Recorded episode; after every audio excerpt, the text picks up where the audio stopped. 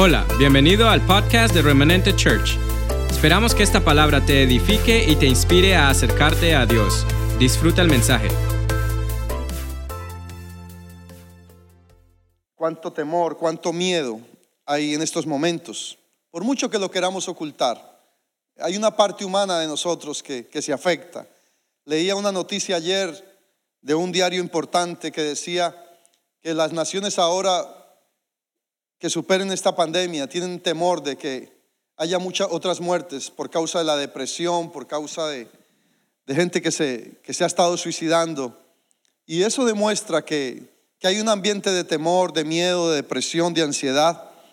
Pero al mismo tiempo debemos ser conscientes de que hay un Dios en quien tenemos que confiar, que hay una realidad que nosotros tenemos que enfrentar este tiempo, pero también hay una verdad que nos cubre, que nos guarda, que nos hace libre. Y Dios nos ha demostrado, escucha mi iglesia, a través de los siglos y en nuestra vida misma desde que nacimos, que Él cuida de nosotros. Dios nos ha demostrado que Él cuida de nosotros.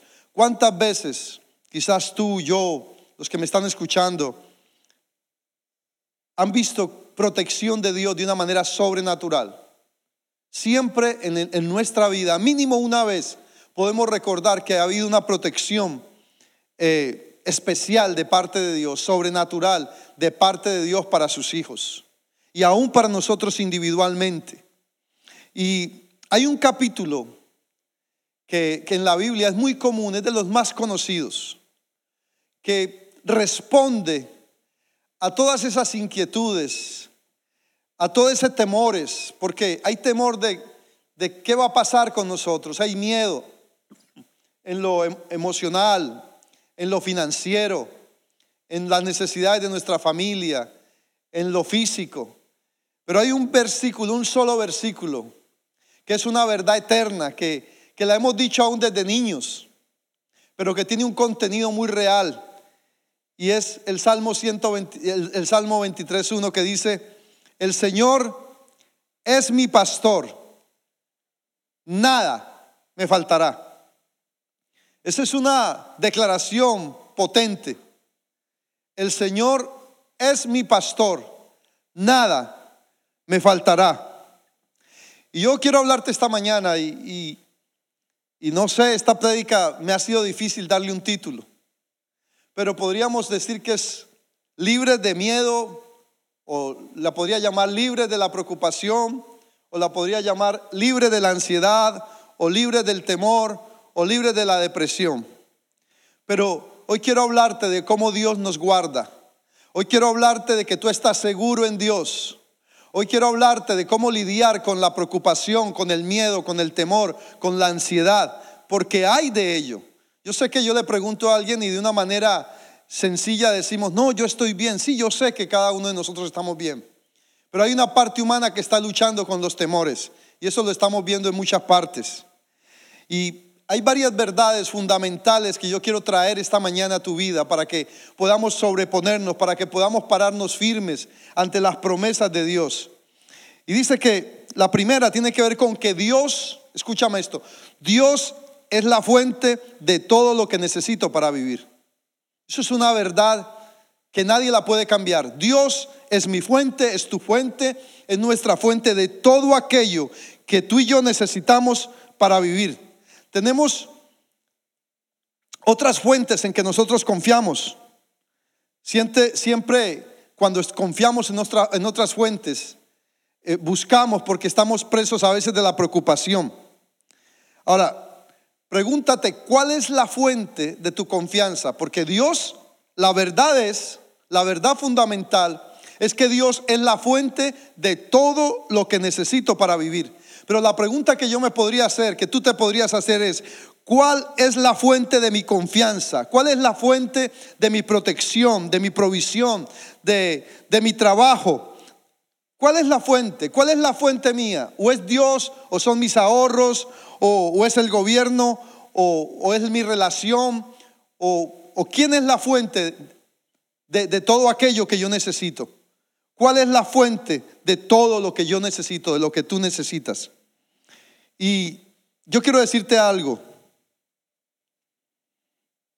Nunca pongas tu seguridad o tu confianza en algo que puedes perder.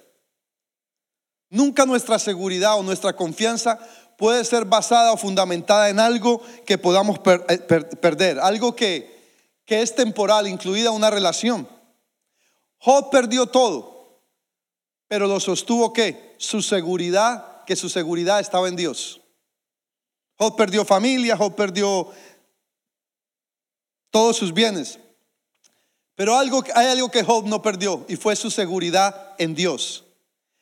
Y no es un secreto que toda la humanidad está expuesta a necesidad, a necesidades espirituales, a necesidades emocionales, a necesidades físicas, hablando de salud, a necesidades financieras. Y quizá muchos tendrán a lo mejor cómo suplir alguna de esas necesidades. Pero ¿cuál es la fuente? ¿Cuál es la fuente que suple mis necesidades? Entonces, la primera es, Dios es la fuente de todo lo que necesito para vivir. Eso es una verdad fundamental. Lo otro es, la otra verdad fundamental es que no hay nada en este momento en tu vida y en mi vida que tú y yo necesitemos que Dios no pueda suplir. Esa es otra verdad fundamental. No hay nada en este momento en tu vida, en mi vida, que Dios no pueda suplir.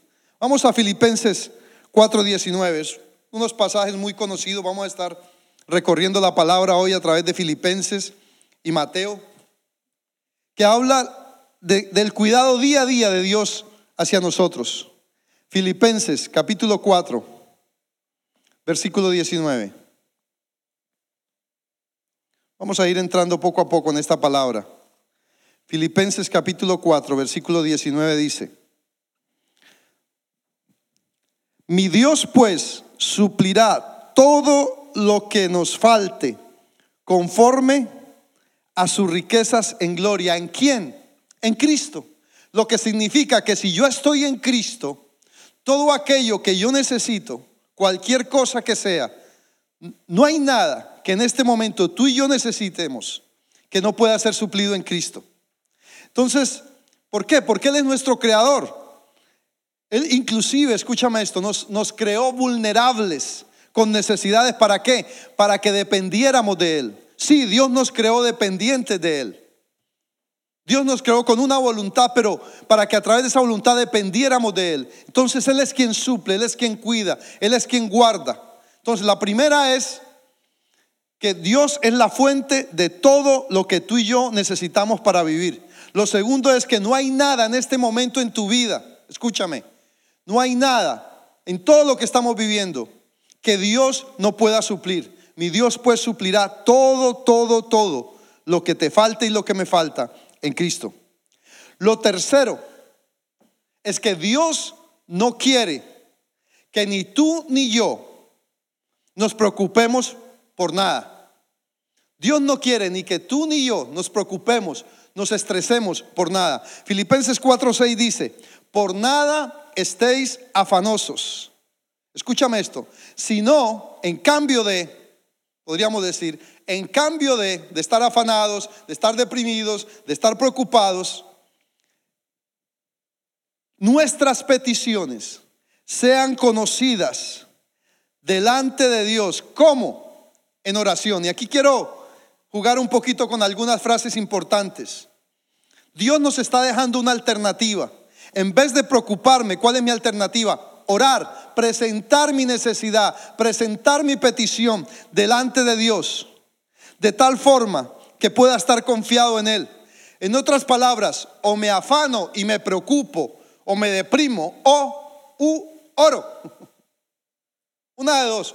O voy a orar o me voy a preocupar. Eso es lo que me dice. Por nada estéis preocupado, por nada estéis afanado, por nada estéis con miedo, por nada estéis deprimido, sino, en vez de eso, en cambio de, ora, preséntate delante de mí. Lo que quiere decir que si yo estoy preocupado, es que no estoy orando. Y si estoy orando, no estoy preocupado. Si yo estoy preocupado, de acuerdo a este pasaje, es que no estoy viniendo delante de Dios. Es que no estoy presentando mi necesidad delante de Dios en oración. Y si estoy orando y si lo estoy haciendo, si estoy presentando mi necesidad delante de Dios, entonces no estoy preocupado. Entonces podemos decir y resumir en esto, cuando no oro, me preocupo. Y cuando me preocupo, no oro. Cuando no oro, me preocupo. Y cuando me preocupo, no oro. ¿Por qué? Porque la preocupación, el miedo, la depresión, la ansiedad me neutralizan, me bloquean, emocionalmente me paralizan. Los sentimientos pareciera que están muertos.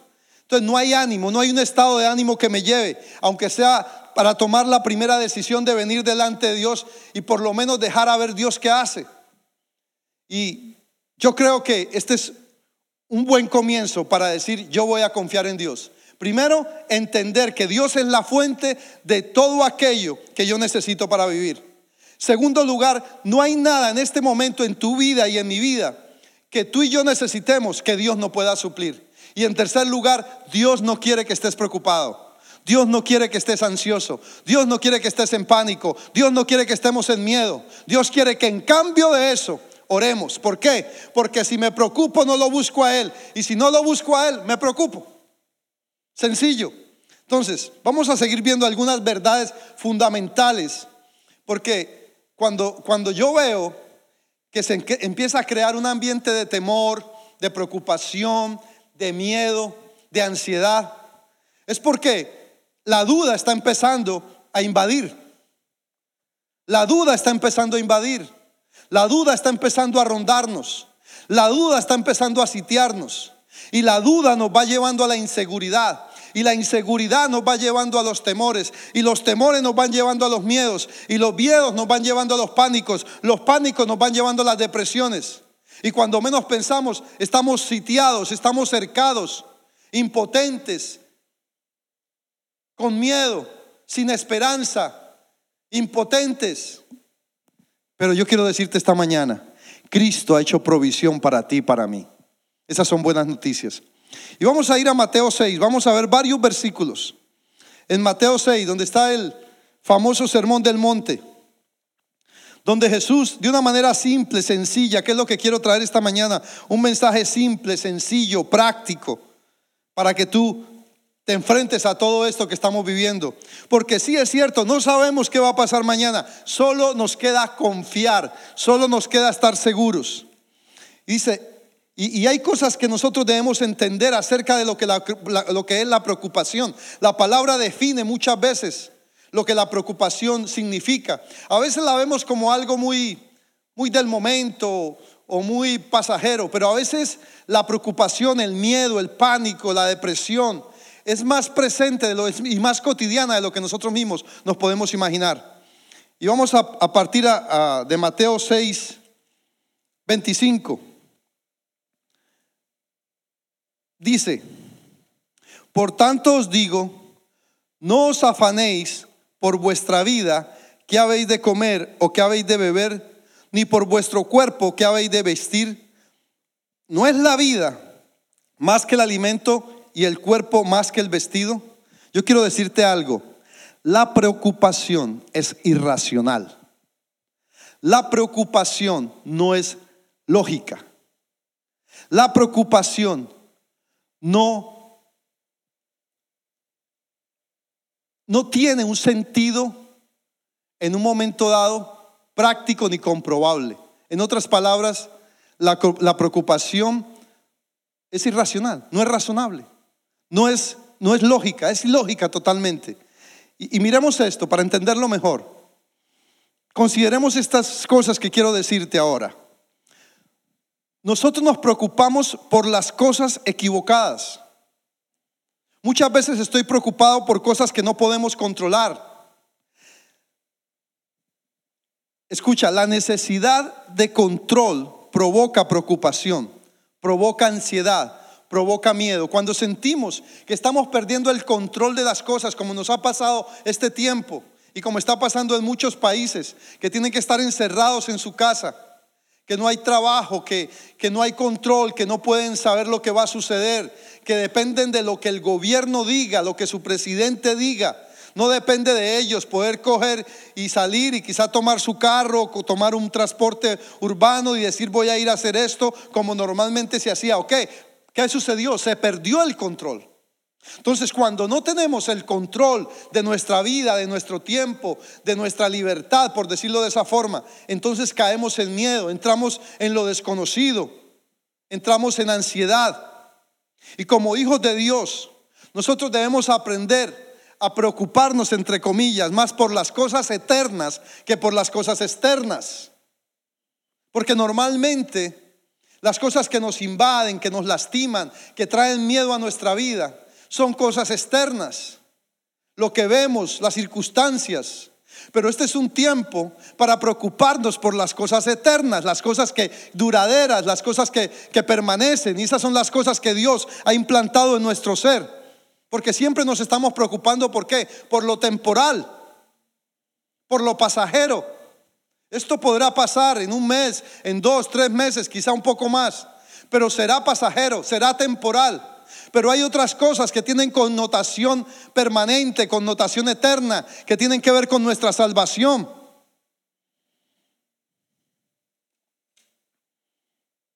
Escucha esto. Cuando me preocupo por algo que no puedo cambiar, viene el miedo, viene el temor, viene la ansiedad.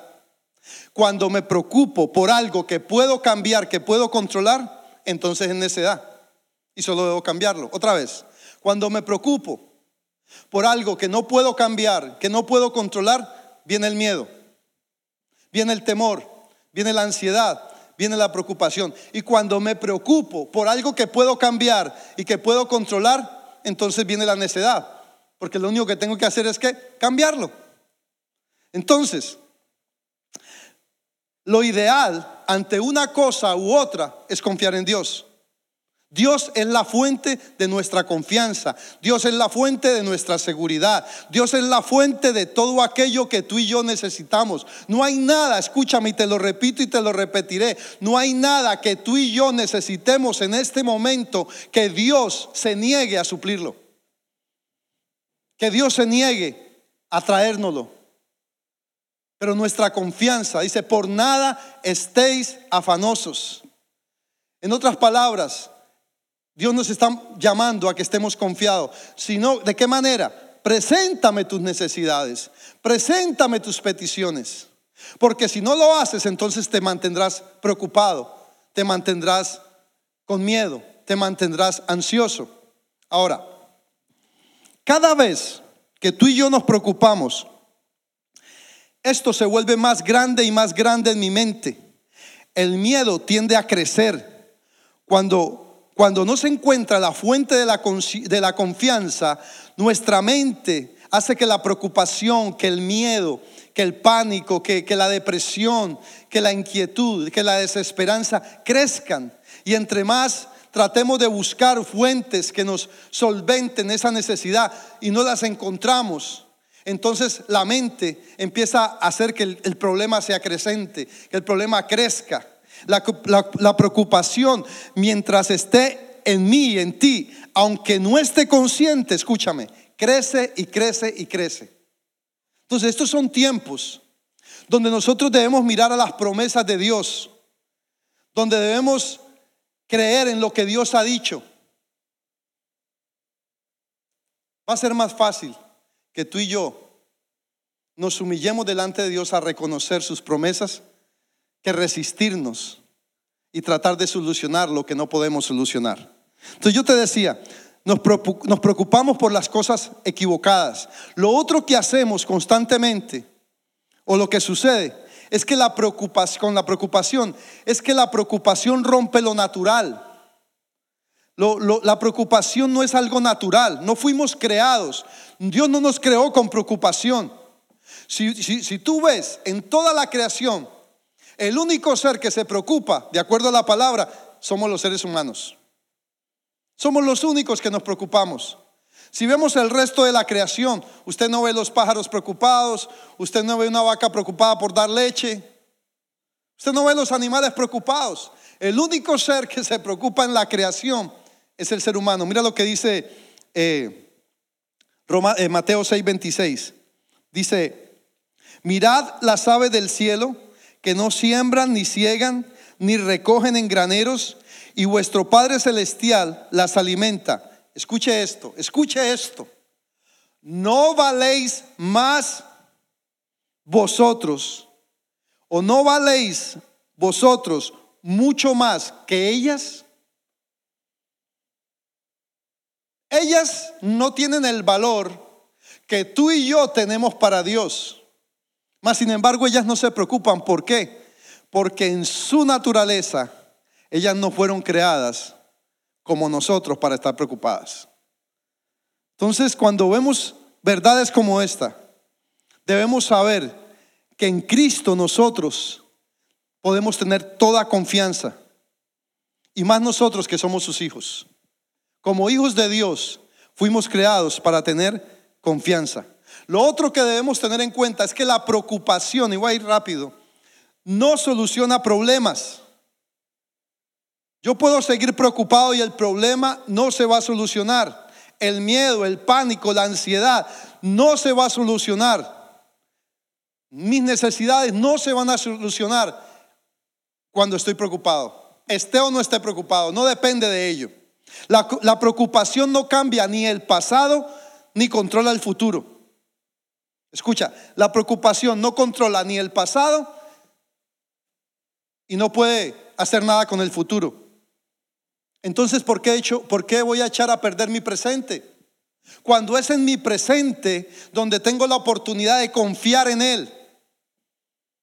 Proverbios 12:25 dice que la preocupación deprime el corazón del hombre. La preocupación, y, si usted lo busca en varias versiones, se lo va a ir aclarando más. La preocupación desgasta más que la ocupación, o sea, que el trabajo.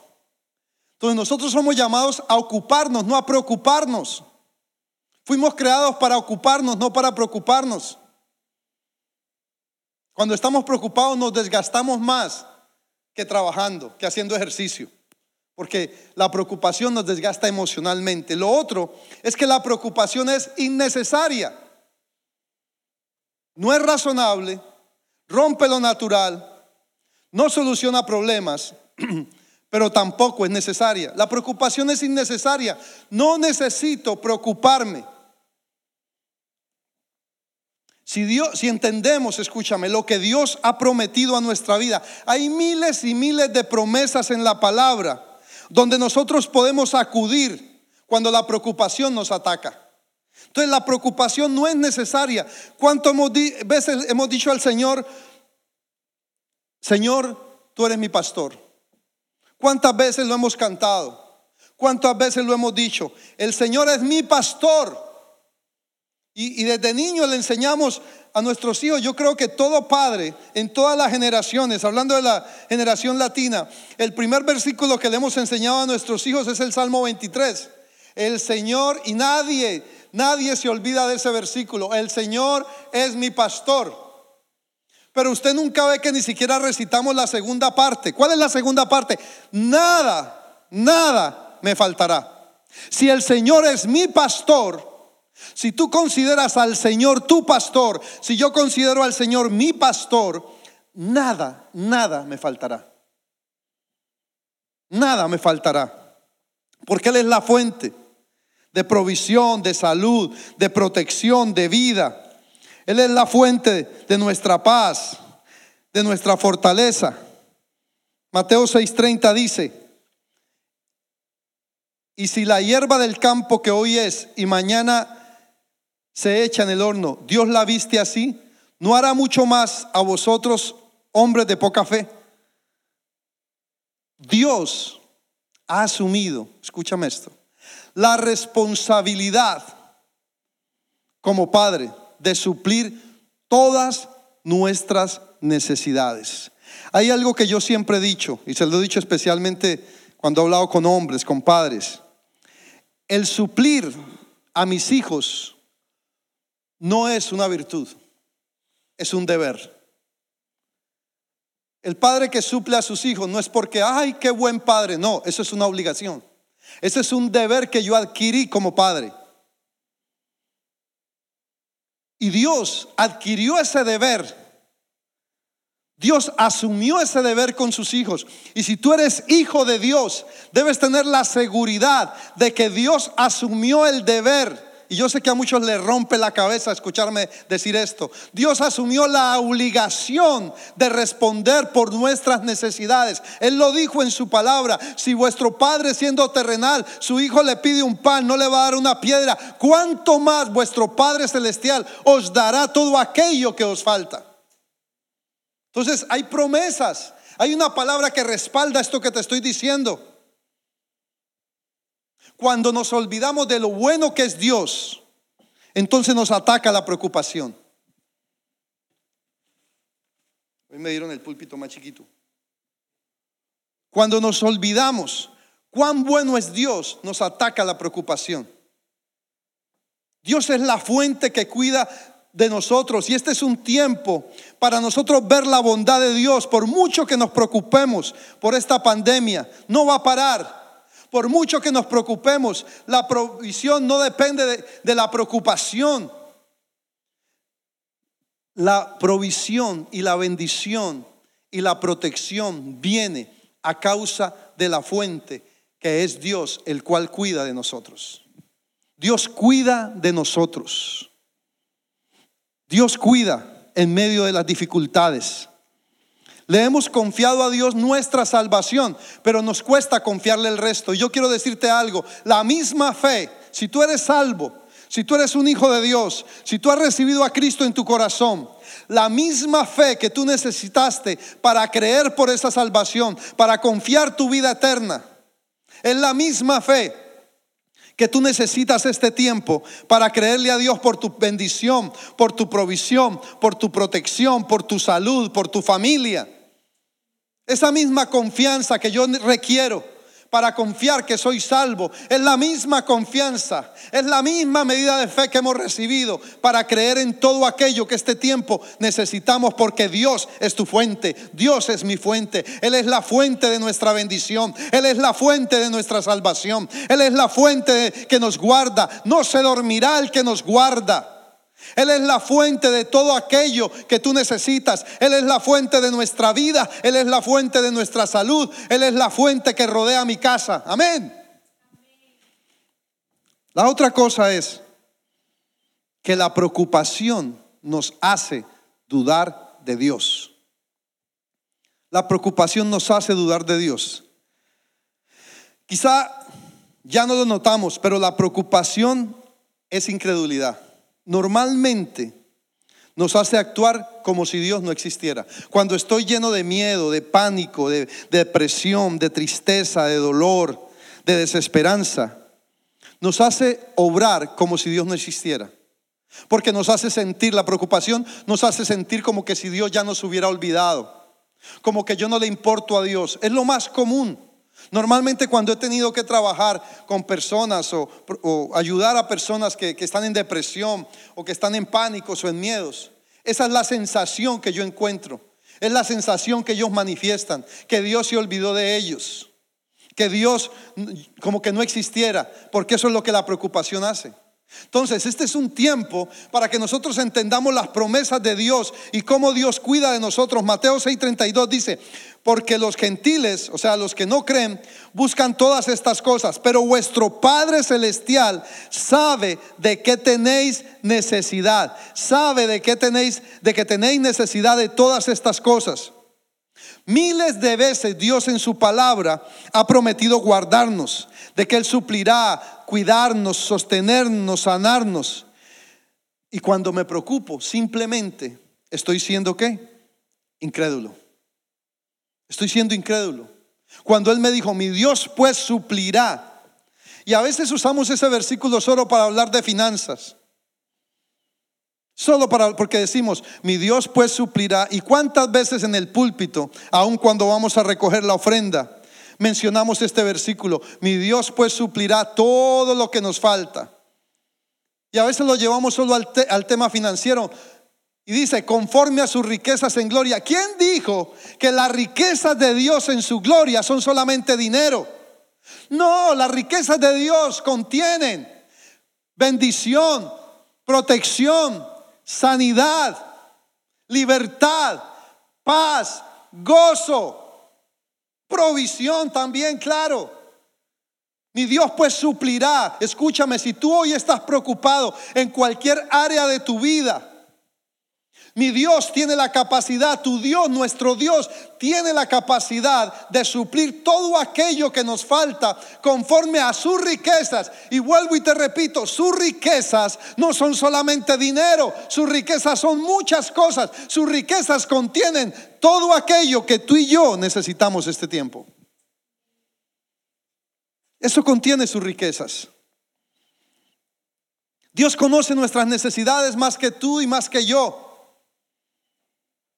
Ahora, tenemos que ver que la preocupación también, ya lo dijimos, es equivocada, no es natural, no soluciona problemas, no soluciona nada, es innecesaria, nos hace dudar de Dios, o sea, es incredulidad.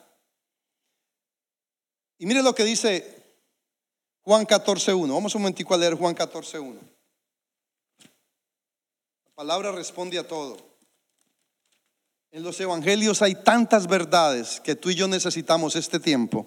Dice, no se turbe vuestro corazón, o sea, no se llene de miedo, no se deprima. Cuando busqué esa palabra turbe en el original, significaba preocupación, significaba depresión, significaba miedo, significaba eh, depresión, significaba eh, pánico. O sea, lo que Jesús estaba teniendo claro en ese momento es que nosotros, sus hijos, en un momento dado íbamos a sentir todo eso. Y dijo, no se turbe, no se atemorice, no se panique, si cabe el término, vuestra alma, creéis en Dios, creed también en mí. Ahora, ¿cómo hago? Y eso es lo que vamos a ver ahora porque sí, yo les he hablado de lo que es la preocupación, de traer un cuadro de lo que la preocupación representa, pero yo quiero decirte también, yo quiero hablarte de, de cómo hago para confiar, cómo ¿Cómo hago para ganarle la batalla al miedo, a la preocupación, al temor y para que ayudes a otros? Porque a tu alrededor puede que tú estés confiado, puede que tú estés seguro, pero a veces no sabes cómo ayudar a otros miembros de tu familia, quizá vecinos, amigos, compañeros de trabajo, de iglesia mismo, que no saben cómo lidiar con esto. Esta es una oportunidad que tú y yo tenemos para venir todos unidos en contra de este gran enemigo. ¿Sabe una cosa? Yo creo que más que, que la pandemia, el verdadero enemigo que vamos a tener que enfrentar ahora es el temor, la depresión, el miedo, el pánico, la desesperanza, la inseguridad. Ese es el enemigo que nos va a quedar para enfrentar y necesitamos estar fortalecidos en el poder de su fuerza, en el poder de la fuerza del Espíritu Santo en nosotros. Amén. Ay, cuánto quisiera que estuvieran aquí, hombre. Entonces, ¿qué hago si tengo miedo aún? ¿Qué hago si estoy preocupado? ¿Qué hago? Yo sé que usted se lo está preguntando ahí en casa. ¿Qué hago para superar? Y ojalá usted comparta esta palabra con otros. Ojalá ahora mismo piense en alguien que esté ahí mismo. Voy a hacer este paréntesis, que está ahí, que usted diga, tal persona está en miedo, necesita escuchar esto. Haga ahí el enlace, compártale, compártale lo que usted está escuchando en este momento para que otros escuchen esto que le voy a decir, porque le voy a hablar de verdades prácticas en la palabra. Lo primero, lo primero para enfrentar el temor, la desconfianza, la inseguridad, la depresión. Porque quizá usted está esperando que yo le dé un tratamiento. El tratamiento está aquí en la palabra. Es lo que la palabra nos dice. Dice, lo primero que tengo que hacer es declarar y reconocer que el Señor es mi pastor el Señor es tu pastor. Un pastor cuida sus ovejas. Un pastor, ¿Por qué? Porque la oveja, mire, porque el Señor toma como referencia la oveja? La, oveja? la oveja es de los animales más indefensos que hay. La oveja no tiene colmillos, no tiene dientes ni siquiera para defenderse, no tiene garras. La oveja, quien la cogió, la acabó, no tiene cómo defenderse, pero tiene un pastor. Y en el caso nuestro, Él es nuestro pastor. Y a veces nos sentimos tan indefensos como esa oveja. Entonces, lo primero que tenemos que hacer es reconocerlo como nuestro pastor. Pídele, pídele, pidámosle que Él sea nuestro pastor. Cuando estoy seguro que Él es mi pastor, viene lo siguiente, viene lo siguiente. Entonces me convenzo, cuando estoy seguro que Él es mi pastor, lo segundo que me voy a convencer y voy a estar seguro es que nada, nada, nada me faltará. El Señor es mi pastor, nada me faltará. Dilo cuantas veces sea necesario. El Señor es mi pastor. El Señor es mi pastor. Al levantarte, al mediodía, al acostarte, cada que enfrentes una necesidad, cada que enfrentes una preocupación, cada que enfrentes, acuérdate que el Señor es tu pastor y nada, nada, nada te faltará. Acuérdate de eso. En una situación cualquiera que sea, que enfrentes de, preocupación, de miedo, de cualquier necesidad, tú vas a declarar, no, el Señor es mi pastor y Él dijo que nada me faltará. Vamos un momentico a Juan 10. Quiero, quiero, quiero para que ampliar esto. No lo quiero dejar solo ahí. Juan 10, capítulo 10, versículo 14 y 15, rapidito. Juan 10. Dice, yo soy el buen pastor y conozco mis ovejas y las mías me conocen. Y Él es un buen pastor, Él te conoce, pero requiere que tú y yo también como ovejas lo conozcamos. Dice, así como el Padre me conoce y yo conozco al Padre y pongo mi vida por las ovejas. ¿Por qué? Porque el Señor, el Señor es mi pastor. El Señor es tu pastor. El Señor es nuestro pastor. Entonces, lo primero es, declara diariamente que el Señor es tu pastor. Cuando tú estás seguro que tienes un pastor, aún en lo natural, que tienes un pastor con quien cuentas, tú sabes que, eso te da fortaleza, que llamas y, oramos por ti, que, que si hay alguna necesidad que podemos cubrir, ahí estamos. ¿Cuánto más el Señor, que es nuestro pastor, cuidará de nosotros. En segundo lugar, y esto es importante, coloca hoy de una vez por todas al Señor, a tu pastor, al Señor Jesucristo como el primero en tu vida. Si tú quieres tener seguridad en tu vida, si tú quieres enfrentar esto que estamos viviendo todos con tranquilidad, aún con gozo, con paz, con seguridad, con fortaleza inclusive para ayudar a otros, de una vez por todas, hoy decide, el Señor va a ser lo primero en mi vida. El Señor va a ser lo primero en mis sueños, en mis relaciones, en mis finanzas, en mis proyectos. Y revisa eso cada día. No te salgas de ahí. No te salgas de esa cobertura que Dios te da.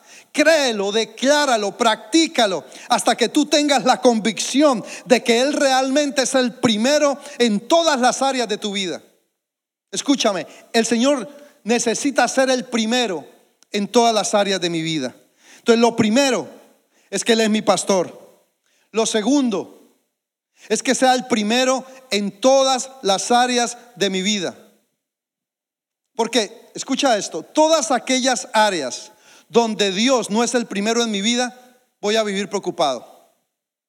En todas las áreas en que el Señor no es el primero en mi vida, ahí voy a estar preocupado. Y, escucha esto que te voy a decir porque de aquí puedes sacar una esencia.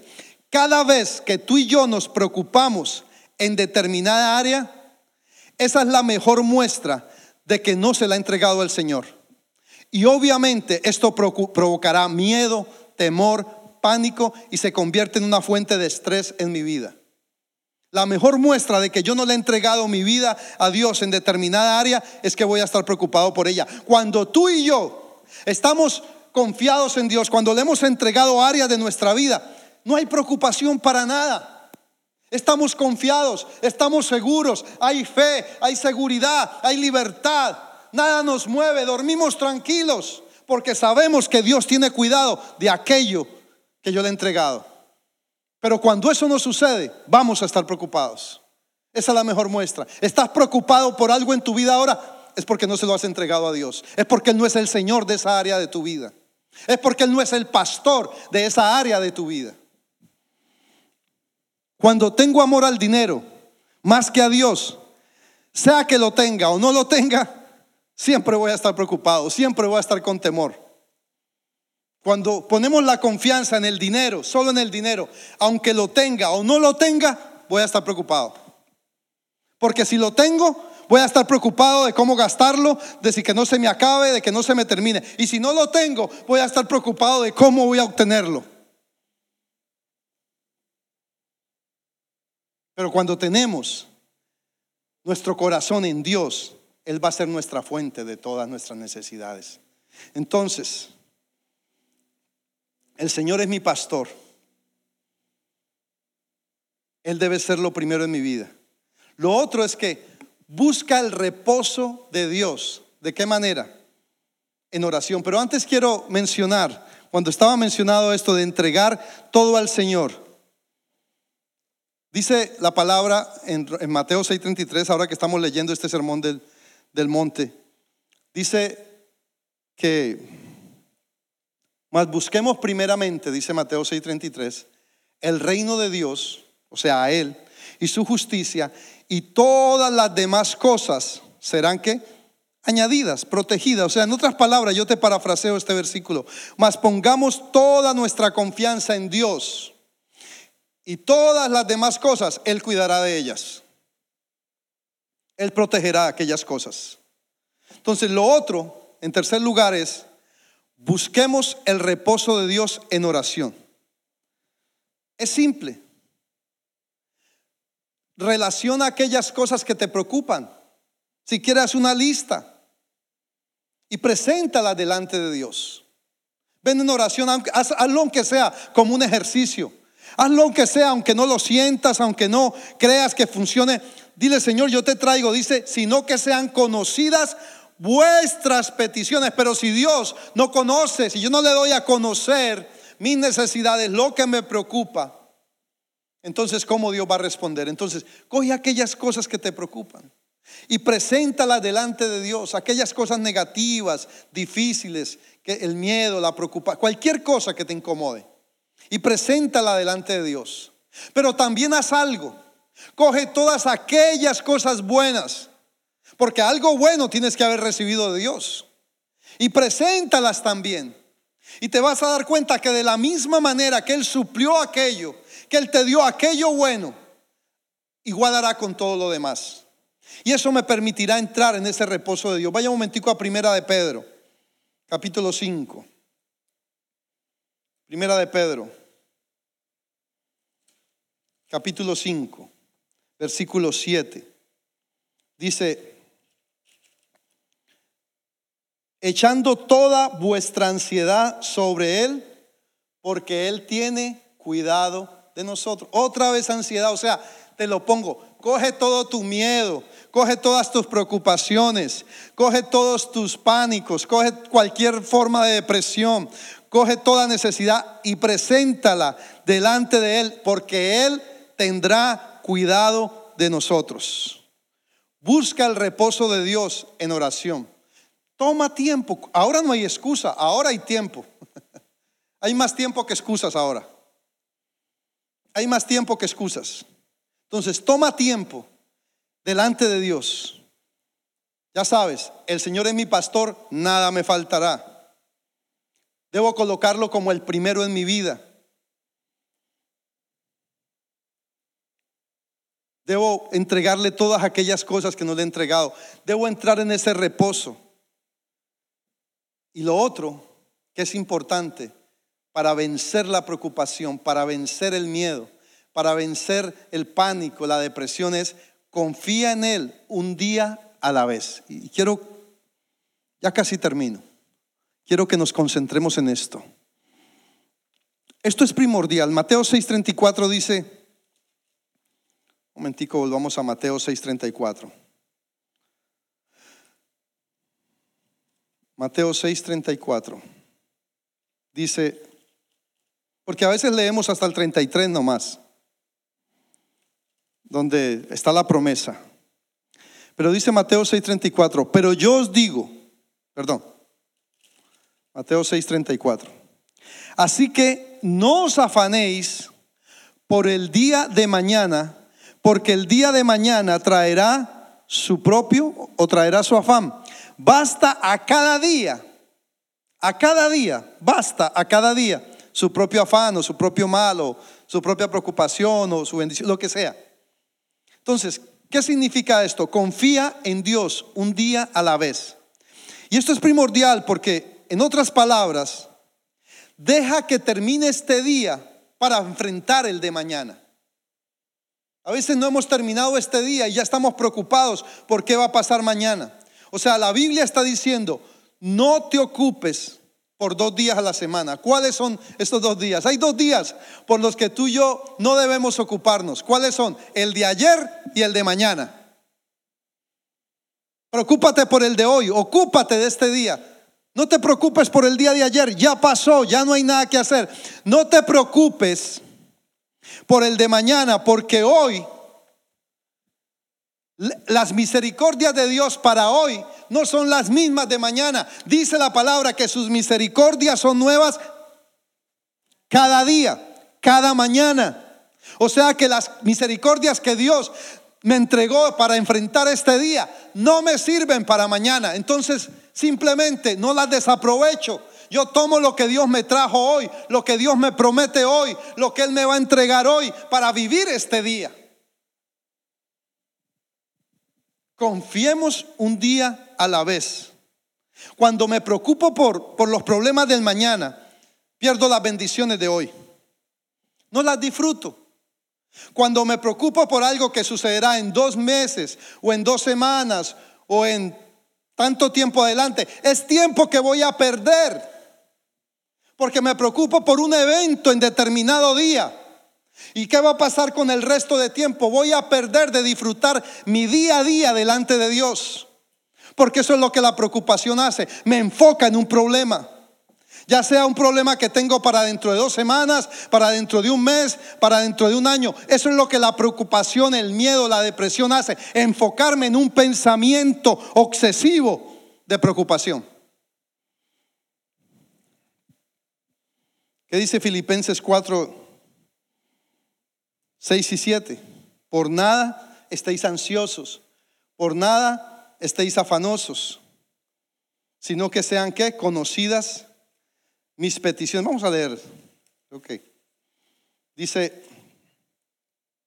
por nada estéis afanosos, por nada estéis temerosos, miedosos, deprimidos, sino que sean conocidas vuestras peticiones delante de Dios en toda oración y ruego, además con acción de gracias.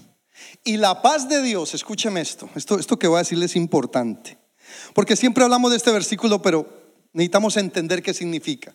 Y la paz de Dios, que sobrepasa todo entendimiento, guardará nuestros corazones y nuestros pensamientos en Cristo Jesús.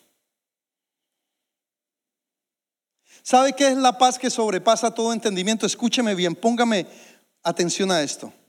Cuando estoy en paz, aunque no tenga una razón para estarlo. Esa es la paz que sobrepasa todo entendimiento. Cuando estoy en paz, aunque no tenga una razón para estar en paz. Hay veces que no tenemos una razón para estar en paz, pero la paz que sobrepasa todo entendimiento es esa clase de paz y viene de Dios. Y es Dios quien la trae a tu vida, a mi vida. Así que iglesia, yo creo que hoy he traído verdades simples, sencillas, pero prácticas, para que entremos en esa dimensión de todo esto, una dimensión más grande que la que estamos viviendo, que la realidad. Así que declaremos, si queremos pasar al otro lado, como decía esta semana Pastor Devi, al otro lado del mar, montarnos en la barca, cada día declarar que Él es mi pastor, por encima de todo. En segundo lugar, que de una vez por todas Él sea lo primero en mi vida. En tercer lugar, buscar el reposo de Dios en oración. Echemos toda nuestra ansiedad sobre Él porque Él tiene cuidado de nosotros. Y en último lugar, confía en Él un día a la vez. No te preocupes ni por ayer ni por mañana. Ocúpate de hoy. Dios te dará el maná para el día que lo necesitas. Y no puedes usarlo para otro día. Dios quiere que dependamos de Él cada día. Dice la palabra, danos hoy nuestro pan de cada día. No dice, danos hoy nuestro pan de cada mes o nuestro pan de cada semana. Dice, danos hoy nuestro pan de cada día. Él nos dará una fuerza diaria. Ahora, entiéndame esto, que esto es muy importante. Necesitamos planear para el mañana. Claro que sí, pero no preocuparnos. Yo te estoy hablando de la preocupación, del miedo, del pánico, de la depresión. No es que no planifiquemos, planifiquemos, pero no nos preocupemos. Planifiquemos en esperanza, planifiquemos en fe, en confianza, en seguridad, no en preocupación. Yo voy a vivir, aunque yo planifique para los próximos días, yo voy a vivir un día a la vez. Tú vas a vivir un día a la vez. La, preocupación, escúcheme, dice la Biblia también que es pecado. Por nada estéis afanosos, preocupados, temerosos. Y es uno de los pecados más comunes. Dios no quiere que estemos preocupados. El Señor, voy a invitar a la alabanza que suba. El Señor es mi pastor. Nada, nada me faltará. Así que suelta el miedo, el pánico, la ansiedad, la depresión en esta mañana. El dinero prueba nuestra fe. Es muy humano confiar en lo que tengo. Pero no podemos desplazar a Dios del primer lugar. Y esta mañana vamos a decirle, Señor, yo voy a confiar en ti. Tú eres mi pastor. Dígale esta mañana al Señor, el Señor es mi pastor, nada me faltará. Dígale al Señor, Señor, tú vas a ser lo primero en mi vida por encima de todo, de aún de mis situaciones. Dígale al Señor, Señor, yo quiero entrar en tu reposo este tiempo. Dígale, yo voy a confiar un día a la vez, Señor, porque tú eres mi pastor. Y ahí donde estás, vamos a adorar al Señor con esta canción, que es una de las canciones de mucho tiempo atrás, pero es una canción que declara de que Él es mi pastor. Aleluya. Aleluya.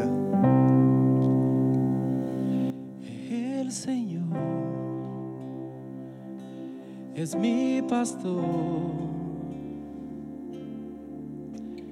Nada me faltará.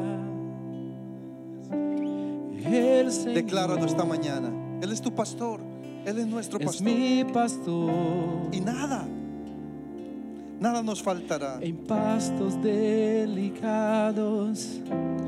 Él me hará descansar. Junto a aguas de reposo, me pastoreará,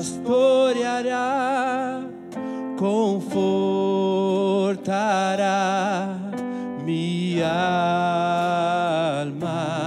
Sí, Señor. Me guiará por sendas de justicia. Sí, Señor. Vamos ahí en tu casa, dile. Abraza a tu pastor. Abraza al Señor porque Él es tu pastor. Aleluya.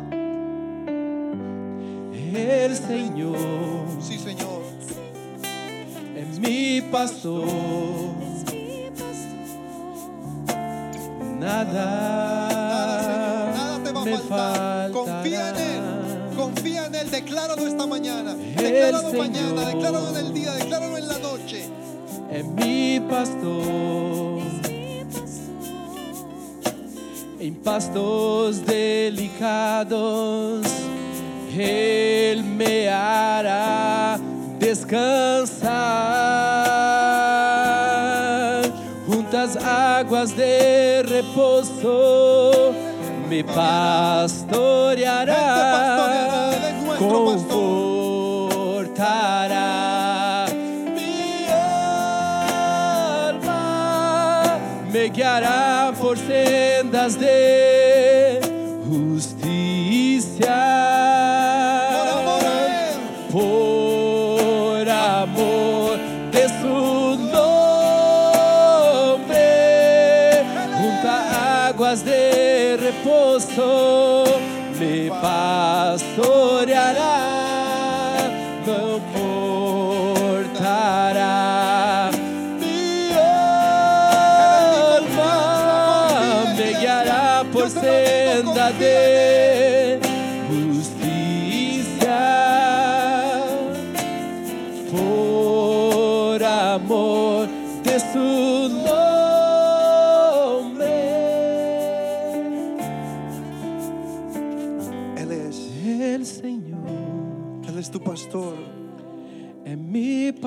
Yo te prometo que nada te faltará, te lo aseguro. Nada Él te guarda. me faltará. Aleluya, Señor. Bendito. Nada, Nada. me faltará. Nada te faltará. Oh, nada, Nada. me faltará.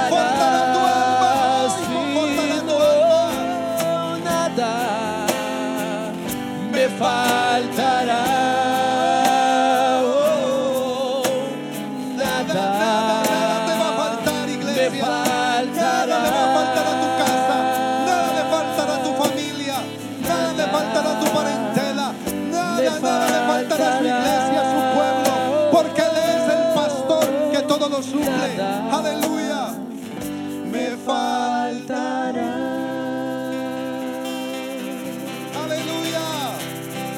su nombre. Bendito es el Señor. Confía, iglesia. Confía. Nada te faltará. Él es el pastor que cuida de nosotros. El mismo que te ha guardado desde que naciste. Y aunque hayas pasado por valles de sombra, Él ha sido nuestro pastor. Y nada, nada nos faltará. Te bendigo, iglesia. Esperamos que este mensaje haya sido de bendición. No te olvides de suscribirte a nuestro podcast y seguirnos en Facebook e Instagram arroba remanente church.